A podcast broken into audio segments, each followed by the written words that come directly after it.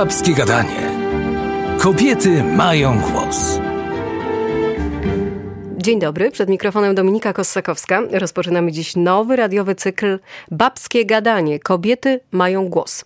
To 10 odcinków poświęconych Polkom, których historie mogą być źródłem wartości i wzorców dla współczesnych dziewczynek, nastolatek, kobiet dojrzałych i seniorek. To 10 zupełnie zwyczajnych kobiet. Ich osiągnięcia były jednak wyjątkowe. I czas na pierwszy portret. Moimi Państwa gośćmi są dziś Wojciech Hausner, historyk, były przewodniczący Związku Harcerstwa Rzeczpospolitej i harcerka Julia Kostuj, 27. krakowska drużyna harcerek Knieja imienia Simony Kossak. E, więc zamiast tradycyjnego dobry wieczór powiem harcerskie czuwaj. Czuwaj wymyślone właśnie przez bohaterkę dzisiejszej audycji, Olgę Drachonowską-Małkowską. E, panie Wojciechu, ile lat harcerzy już się tak witają? Harcerzy się tak witają od 1912 roku. Bo to nie od razu czuwaj było e, zawołaniem harcerskim. Najpierw przyjęto to, co generał Baden-Powell wymyślił w Anglii, było bądź gotów, czyli be prepared angielskie, ale w momencie, kiedy u nas zaczęto przystosowywać nazewnictwo harcerskie do czasów historycznych, rycerskich, przywołano postać Zawiszy Czarnego, więc też się pojawiło czuwaj bo Olga Małkowska może nie wymyśliła y, tego słowa, natomiast wzięła je jak gdyby z polskiej tradycji, tak? Czuwaj to wołała Straż Miejska Włożyła na murach. do powszechnego użycia tak harcerzy. Jest. Y, to było tak, takie zawołanie Straży Miejskiej na murach obronnych miast średniowiecznych i to stąd, ale też ma trochę inne znaczenie niż bądź gotów angielskie, tak? Czuwanie to jest nieco coś innego niż bycie w gotowości. I Olga to wzięła dla swojej drużyny, którą prowadziła, a potem to się upowszechniło w całym, w całym ruchu harcerskim i do dzisiaj jest stosowane. Do dzisiaj czuwaj druchu, czuwaj druchno. Olga Małkowska to jest twórczyni polskiego skautingu żeńskiego i współtwórczyni harcerstwa w ogóle. To ona założyła pierwszą żeńską drużynę harcerską. Jak dawno to było? Ile dziewcząt liczyła ta drużyna? Drużyna była żeńska pierwsza, natomiast numer miała trzeci. To była trzecia lwowska drużyna harcerek imieniem Emilii Plater. Dziewcząt było kilkanaście, to nie było coś wielkiego, natomiast ważność tego wydarzenia wynika z tego, że to była ta drużyna, która znalazła się w pierwszym rozkazie tworzącym fundamenty harcerstwa skautingu polskiego w 1911 roku. E, I Olga Małkowska została, została drużynową tej drużyny. Prowadziła ją do wybuchu I wojny światowej, pełniąc równocześnie inne funkcje w rodzącym się wtedy harcerstwie. Jak, ile to było kobiet wtedy w tej drużynie? Do końca nie wiemy, bo to jest kilkanaście. Zresztą te drużyny w ogóle wtedy nie liczyły zbyt dużo członków, tworzono nowe, co wynikało trochę z takiego założenia Baden-Powella, że y, drużyna, którą e, on prowadził, to miała 16 skautów. On zakłada, że mogą być dwa razy lepsi od, od niego drużynowi, więc 32 to jest maksymalnie, co może być. I rzeczywiście tyle mniej więcej liczyły te pierwsze drużyny skautów, chociaż też były takie bardzo całkiem małe. Ale dziewcząt było kilkanaście, może ponad 20. To było, to było płynne, bo to się zmieniało. Jeśli chodzi o młodość Olgi Małkowskiej, to, to był taki e, bardzo trudny czas. Ona się urodziła w 1988 roku i to był czas, który przypadał na powstawanie. Po pierwsze, to był okres międzywojenny. Po drugie, to był czas, kiedy powstawały organizacje, które właśnie stawiały sobie za cel rozwój fizyczny, kształtowanie charakteru młodzieży, pielęgnowanie uczuć patriotycznych. E, rozumiem, że to stąd właśnie fascynacja Robertem Boden-Powellem, fascynacja Małkowskiej e, czy po prostu to też wpisywało się w jej naturę, w jej sposób na życie, jej styl życia? Warto powiedzieć, że Olga Małkowska urodziła się w Krzeszowicach, nieodległych od Krakowa, więc jest bardzo krakowska, może małopolska. Była potem długo z Zakopanem związana, natomiast... Y, o tym też sobie porozmawiamy. Ona wychowywała się w takim duchu i w takiej tradycji. Nawet y, założyła taką namiastkę, no nie wiem, coś, co wyprzedziło trochę ruch skautowy, rycerzy Białego Orła. Pisała jako czternastolatka wiersze, które, y, których te wątki wychowania patriotycznego, narodowego się, się przewijały, więc ona w takim duchu żyła od samego, od samego początku. Tak? Potem przeniosła się do Lwowa, bo tam, tam y, kontynuowała swoją edukację, gdzie spotkała Andrzeja Małkowskiego, no i to już razem wspólnie szli w tym samym kierunku, więc to, to tak głęboko dosyć sięga w jej, w jej życiorysie. Boden-Powell to jest, mm, tak myślę, guru harcerstwa. E, Julka, mm, powiedz, czy wy teraz e, macie powiedzmy taki katalog e, jako harcerze, katalog osób, których życiorysy znać musicie, albo idee, które, mm, którymi inspirowali harcerzy? Czy Boden-Powell to jest jedna z tych osób, obok Małkowskiej? Tak. Od pierwszych zbiórek już jako małe harcerki poznajemy właśnie życiorysy takich osób i to zawsze jest o scoutingu i o harcerstwie, więc mamy i e, Roberta Baden-Powella i Olaf Baden-Powell, jak patrzymy na e, właśnie skautki nie z Polski i tak samo mamy Andrzeja Małkowskiego i Olgę Drachonowską-Małkowską i poznajemy te postacie, chociaż jak ja zaczynałam, to właśnie większą uwagę stawiano na e, mężczyzn, więc dużo o, nie wiedziałam o Oldze i dużo nie wiedziałam o Olaf, ale właśnie o Benem Powellu i o Andrzeju dużo mówiono. Natomiast teraz już coraz częściej słyszę także o kobietach. No więc Małkowska idealnie się wpisuje w takim razie w ten obraz. E, w jednym z wywiadów z lat 70. ubiegłego wieku Małkowska wspominała, że chłopców, co prawda, w czasie kiedy ona tworzyła te zarzewia ruchu żeńskiego, harcerskiego, chłopców chwalono, ale nad dziewczynami załamywano ręce jakie będą z nich żony, jakie będą z nich matki. Czy ten żeński scouting w dawnej Galicji, bo o tym mówimy, o tym czasie, można nazwać częścią walki o pełną emancypację kobiet? No, w jakimś sensie tak, ale to troszeczkę, znaczy całkiem inaczej trzeba to rozumieć niż, niż dzisiaj się rozumie różne ruchy emancypacyjne. Po pierwsze, dla wszystkich, czy dla świata ówczesnego szokiem było to, że dziewczęta się pojawiły jak gdyby obok chłopców, realizując podobne programy, tak? Bo, bo cały scouting y, polski realizował program przygotowywania się do walki o niepodległość. Ale oczywiście nikt dziewcząt nie zmuszał do tego, żeby biegały z karabinami i uczyły się strzelać. Ten program od razu był dostosowywany i profilowany do, do ich charakteru, do, do, do, do potrzeb, tak? Także to, to z tego wynikało, że potem harcerki były y, obok swoich kolegów skautów, na przykład w legionach czy, czy w Wojsku Polskim, ale tworzyły na przykład, nie wiem, tak zwane czujki sanitarne, albo organizowały obsługę pociągu pancernego w części sanitarnej. Y, więc to od początku tak było i budowano y, odmienny program dla harcerek. A drugi, druga rzecz, na którą trzeba zwrócić uwagę, to to, że wtedy drużyny skautów, chłopców powstawały przy gimnazjach dzisiejszych liceach ogólnokształcących. Natomiast nie było takich publicznych szkół dla dziewcząt. Jeżeli były szkoły dla dziewcząt, które pozwalały zdawać maturę, to to były prywatne pensje, przy których te drużyny za bardzo nie mogły działać. Stąd więcej drużyn skautek działało w oparciu na przykład o Sokoła na samym początku y, istnienia. Dopiero jak władze szkolne zgodziły się na to, żeby drużyny skautowe powstawały przy szkołach, to się trochę zmieniło, chociaż jak gdyby przerwało ten, ten rozwój, przerwał wybuch I wojnie światowej. To dopiero potem wróciło po zakończeniu, zakończeniu wojny. To zastanawiam się, w jaki sposób y, Małkowska przyciągała te harcerki. Co im oferowała? Y, ale ja myślę, że to sam fakt pewnej aktywności, y, wykorzystania no, tego, co było wtedy dostępne. Nie? Od początku istnienia ruchu skautowego wychodził skaut skautki uruchomiły pismo o nazwie Skautka. I te czasopisma się rozchodziły i one, one były, były, zachęcały. Warto pamiętać o tym, że ruch skautowy opierał się wyłącznie o treści publikowane w książce Baden-Powella.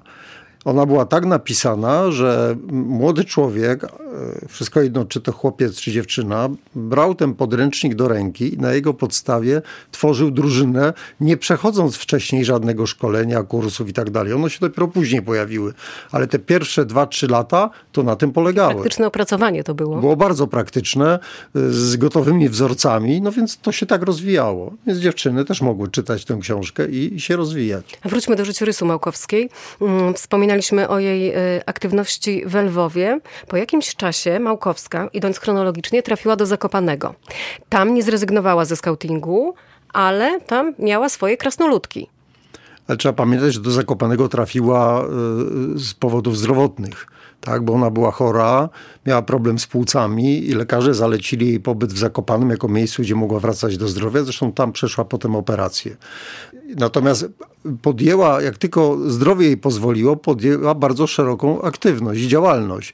Y, te krasnoludki to jest w ogóle y, taki mm, pomysł zupełnie rewolucyjny jak na tamte czasy, bo to było wejście do pracy no, zbliżonej do skautowej, ale na poziom najmłodszych dzieci. To, to w ogóle wtedy nikt nie myślał o tego typu zabawie i zajęciach. Ja muszę tutaj zacytować. Olga tak wspominała. Pewnego popołudnia mała gromadka dziewczynek zjawiła się w komendzie. Śmiało podeszły do stołu, stanęły na baczność, a najodważniejsza powiedziała jednym tchem. Melduję, że zgłaszamy się do harcerstwa. Ile macie lat? Siedem, osiem, dziewięć? Jesteście za młode, brzmi odpowiedź. Poza tym tyle teraz pracy. Nie mogę się wami zająć. Po wojnie was przyjmę.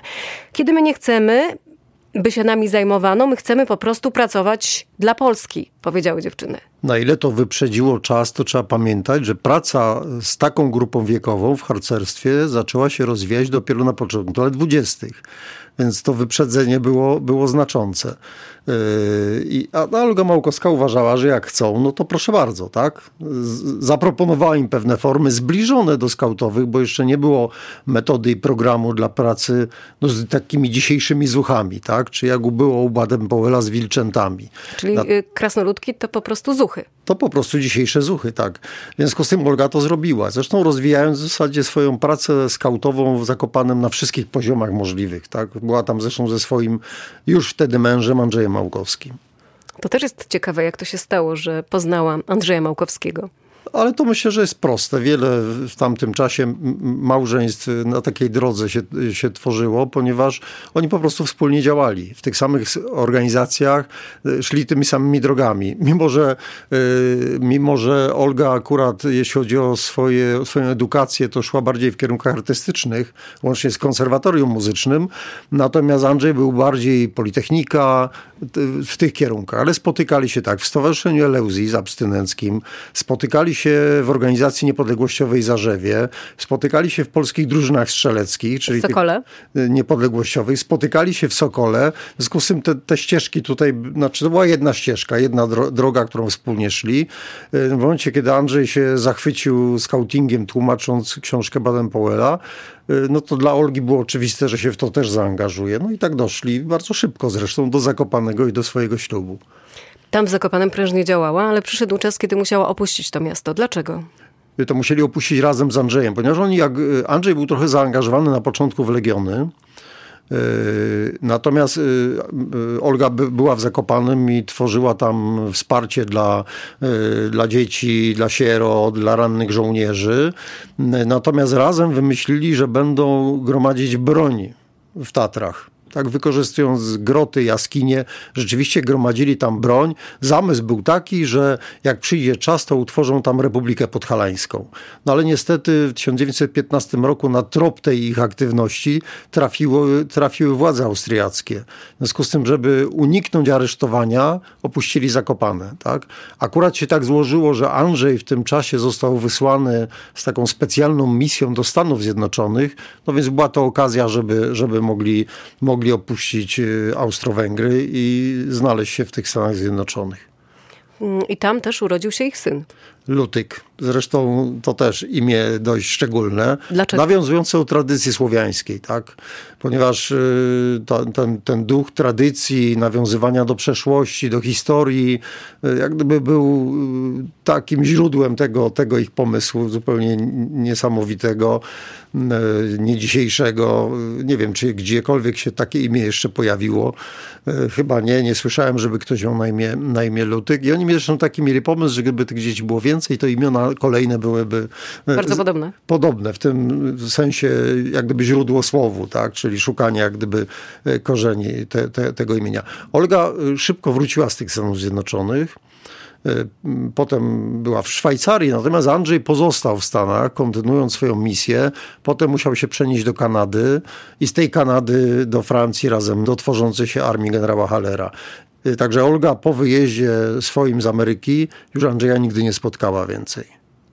Zginął tragicznie. Zginął tragicznie w 1919 roku. Jedyne, co się zachowało, to taka bardzo krótka korespondencja między nimi, bo wymieniali kartki, takie pocztowe między sobą. czasem to jest, to jest kartka z treścią kocham cię Andrzej, tak? Albo moja ulubiona żono Andrzej. Ona mu podobnie odpowiadała. Miejmy świadomość, jaka głęboka treść w tych słowach była, że taka kartka szła czasem dwa albo trzy tygodnie, albo i dłużej wojna, więc poczta nie zawsze funkcjonowała tak jak trzeba. Po tych Stanach Olga znalazła się w Londynie. Olga znalazła się w Londynie, zresztą potem jeszcze, jeszcze ten Londyn był dla niej takim, taką, ta, ta, taką, taką przystanią, yy, no bo nie mogła wrócić tak, na ziemię polskie. Z jednej strony Austro-Węgry i tam nie wiadomo było, jakby się to skończyło. Wiadomo było, że nie, nie, nie wróci na teren zajmowany przez Rosję, więc już, już takiej możliwości nie miała. Natomiast yy, warto pamiętać, że, że ona jak gdyby była bardzo aktywna, ale w 21 roku już była w Polsce wróciła na ziemię polskie i potem przez cały okres II Rzeczpospolitej tutaj swoją aktywność e, aktywność prowadziła. Tam skupiła e, swoją działalność w tak zwanym dworku cisowym w Sromowcach Wyżnych koło Czorsztyna, czyli też Małopolska. E, obecnie Małopolska. Co się działo w tym dworku? To był w ogóle genialny pomysł. Znaczy to był, to dzisiaj byśmy to nazwali eksperymentem pedagogicznym, e, natomiast myślę, że w, te, w tych kategoriach nic nie myślał. Olga doprowadziła do tego, że w 1925 roku powstała szkoła, to się nazywała Szkoła Pracy Harcerskiej w Sromowcach Wyżnych. Y, nazywana potocznie dworkiem cisowym, y, ale trzeba pamiętać, że, że to był cały kompleks placówek, które miały no, takie szerokie spektrum edukacji i wychowania, bo potem w ciągu kolejnych lat powstało Orle Gniazdo, Dom Ludowy, Watra i pustelnia w Czorsztynie. Z tych obiektów tam było kilka, ale wszystkie jak gdyby były, skupiały się pod tym hasłem Szkoła Pracy Harcerskiej. Poza tym yy, ona tam tak przyjeżdżały tam instruktorki, które uczestniczyły w specjalnym programie kształcenia, ale równocześnie ona tam pracowała z dziewczętami y, z tamtych wsi okolicznych, ze Sromowiec, z Czorsztyna, z Niedzicy, ucząc ich podstaw na przykład gospodarstwa domowego, jakichś takich umiejętności przydatnych w domu. Zresztą stąd zaczęto ją nazywać gaździną ponieważ no, była taką gaździną dla tych młodych dziewcząt. Miała niezwykły autorytet wśród, wśród mieszkańców tam, właśnie z tego powodu. Tak? Nie, nie zostawiała nikogo, natomiast to, że te dziewczęta mogły tam skończyć jakikolwiek poziom edukacji, to była zasługa Olgi Małkowskiej. I ona ta, ta, ta, szkoła istniała, czy ten kompleks y, y, obiektów istniał tam do wybuchu II wojny światowej, więc kilkanaście lat pracy. Warto tutaj powiedzieć, że Ćwiecowy Dworek powstał przy wsparciu y, brytyjskiej instruktorskiej skautowej, która była przyjaciółką Olgi Małkowskiej i tam razem y, tworzyły fundamenty tego przedsięwzięcia. Też jest ciekawe w mm, tej postaci to, że ją, Olgę, bardziej interesował ruch międzynarodowy niż polskie struktury. Ona znowu później pojawiła się w Londynie i dalej prężnie działała na rzecz scoutingu właśnie. Prawda jest taka, że rzeczywiście Olga w zasadzie nie wchodziła do władz ówczesnego Związku Harcerstwa Polskiego. Ona była taką, nazwijmy to w cudzysłowie, komendantką skautek jeszcze w Naczelnym Komitecie Skautowym w Lwowie przez rok.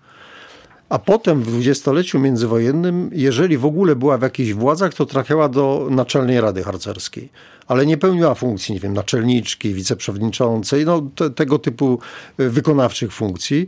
W 27 roku została mianowana harcmistrzynią Rzeczypospolitej, jedną z siedmiu takich osób, które były do tego stopnia e, mianowane. Natomiast w latach 30. od momentu, kiedy była komendantką... Siedmiu osób, przepraszam, i czterech kobiet. Jedną z czterech tak, kobiet? Tak, tak. Była komendantką w 1932 roku siódmej konferencji skautowej, międzynarodowej i, I, na tej konferencji została wybrana członkinią Światowego Komitetu Skautek, czyli organizacji no, całego żeńskiego światowego, światowego skautingu, więc osobą bardzo ważną. I to spowodowało, że przez te lata 30. stała się dużym autorytetem w skali międzynarodowej. Już abstrahując od tego, że była doskonała, jeżeli chodzi o opracowania metodyczne, programowe, ale teraz już te, te, to jej dzieło jak gdyby promieniowało szerzej. E, nawet pod koniec lat 30. została delegatką skautową w Komitecie Opieki nad Dziećmi e, przy Lidze Narodów, takiego dzisiejszego UNICEF-u. E, ponieważ konstrukcja tego komitetu była taka, że cały scouting mógł jednego reprezentanta swojego wydelegować. Więc ona była tą delegatką w skali światowej. To warto na to zwrócić uwagę. Olga wróciła w 1961 roku do Zakopanego, za Polską tęskniła, zmarła w wieku 91 lat i tam też w Zakopanem została pochowana. W Zakopanem została pochowana, zresztą przy pewnej niechęci ówczesnych władz PRL-u.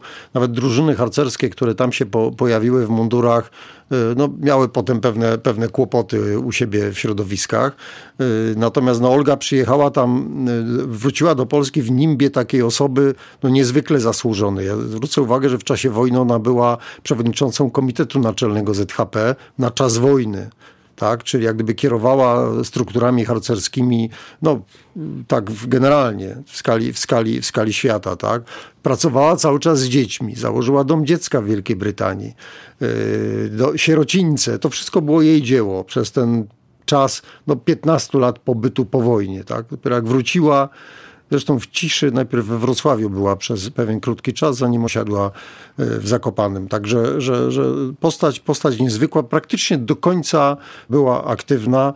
Oczywiście już potem zdrowie jej za bardzo nie pozwalało, no była wiekowa pani, ale ci, co chcieli do niej docierali, otrzymywali od niej taki zastrzyk energii do dalszej pracy i, i kultywowania tradycji harcerskiej. I to jest ciekawe odbicie, Julia. To dla ciebie to też ta osobowość e, może stanowić taki zastrzyk energii harcerskiej? E, tak, Olga ogólnie inspirowała mnie odkąd poznałam jej historię dość mocniej. E, gdy zaczęłam czytać jej życiorysy, zaczęłam się nią bardziej interesować i zaczęłam ją wprowadzać też do życia mojej drużyny, bo Olga jest osobą, którą można by nazwać człowiekiem renesansu, bo oprócz działania harcerskiego, gdzie działała też w Polsce i międzynarodowo, opiekowała się dziećmi, właśnie robiła, te budowała domy dziecka i sierocińce, opiekowała się tymi dziećmi imigrantów też w Londynie, też y, zrobiła herbaciarnię, to było miejsce, gdzie y, rozdawała posiłki, ale właśnie też interesowała się tą muzyką. Y, ukończyła szkołę no, profilu grania na fortepianie, właśnie też przez chwilę studiowała biologię i też była bardzo połączona do natury. E, więc to jest taka osoba, która oprócz tego, że jest przykładem harcerki, jest po prostu dobrym człowiekiem godnym naśladowania. Więc mi, odkąd ją poznałam, była bliskim autorytetem. W jaki sposób wdrożyłaś te idee, które przekazywała Małkowska właśnie do, e, w praktyce do działania swojej drużyny? Zaczęłam bardziej promować jej życiorys moim harcerkom, tak żeby one też poznały tą postać. E, też jej wiersze, które są bardzo, bardzo ciekawe i mają też w sobie nutę idei harcerskich, zaczęłam przedstawiać i mam nadzieję, że zainspirowałam też dziewczyny z mojej drużyny do poznania jej bardziej. Panie Wojciechu, pan pewnie chciał jeszcze przytoczyć jakiś cytat. Mam taki cytat dość smakowity. W październiku 1944 roku Olga Małkowska zanotowała takie no, trzy zdania. Wojna się kończyła, przypominam, było to po powstaniu warszawskim. Mimo wszystko wierzę, jak zawsze wierzyłam, że Polska będzie jeszcze kiedyś potęgą w świecie. Nie potęgą finansową, ani polityczną, ani handlową, ale potęgą duchową. Ona to zdobywa krwią i męką straszliwą. Gdy narody zaczną się gubić w labiryncie materialnych celów, Polska im wskaże drogę prawdziwego odrodzenia. Myślę, że to jest cytat, którym warto zakończyć y, tę opowieść o Oldze Drachonowskiej-Małkowskiej. Y, to ona była bohaterką tego odcinka, a moimi i Państwa gośćmi y, byli Wojciech Hausner, historyk i były przewodniczący Związku Harcerstwa Rzeczpospolitej i harcerka Julia Kostuj. Przypomnę, 27. krakowska drużyna harcerek Knieja imienia Simony Kossak. Bardzo dziękuję. Dziękujemy. Dziękuję. Audycję przygotowano we współpracy z Fundacją ze Stali. Partnerem projektu Babskie Gadanie Kobiety Mają Głos jest Fundacja Totalizatora Sportowego.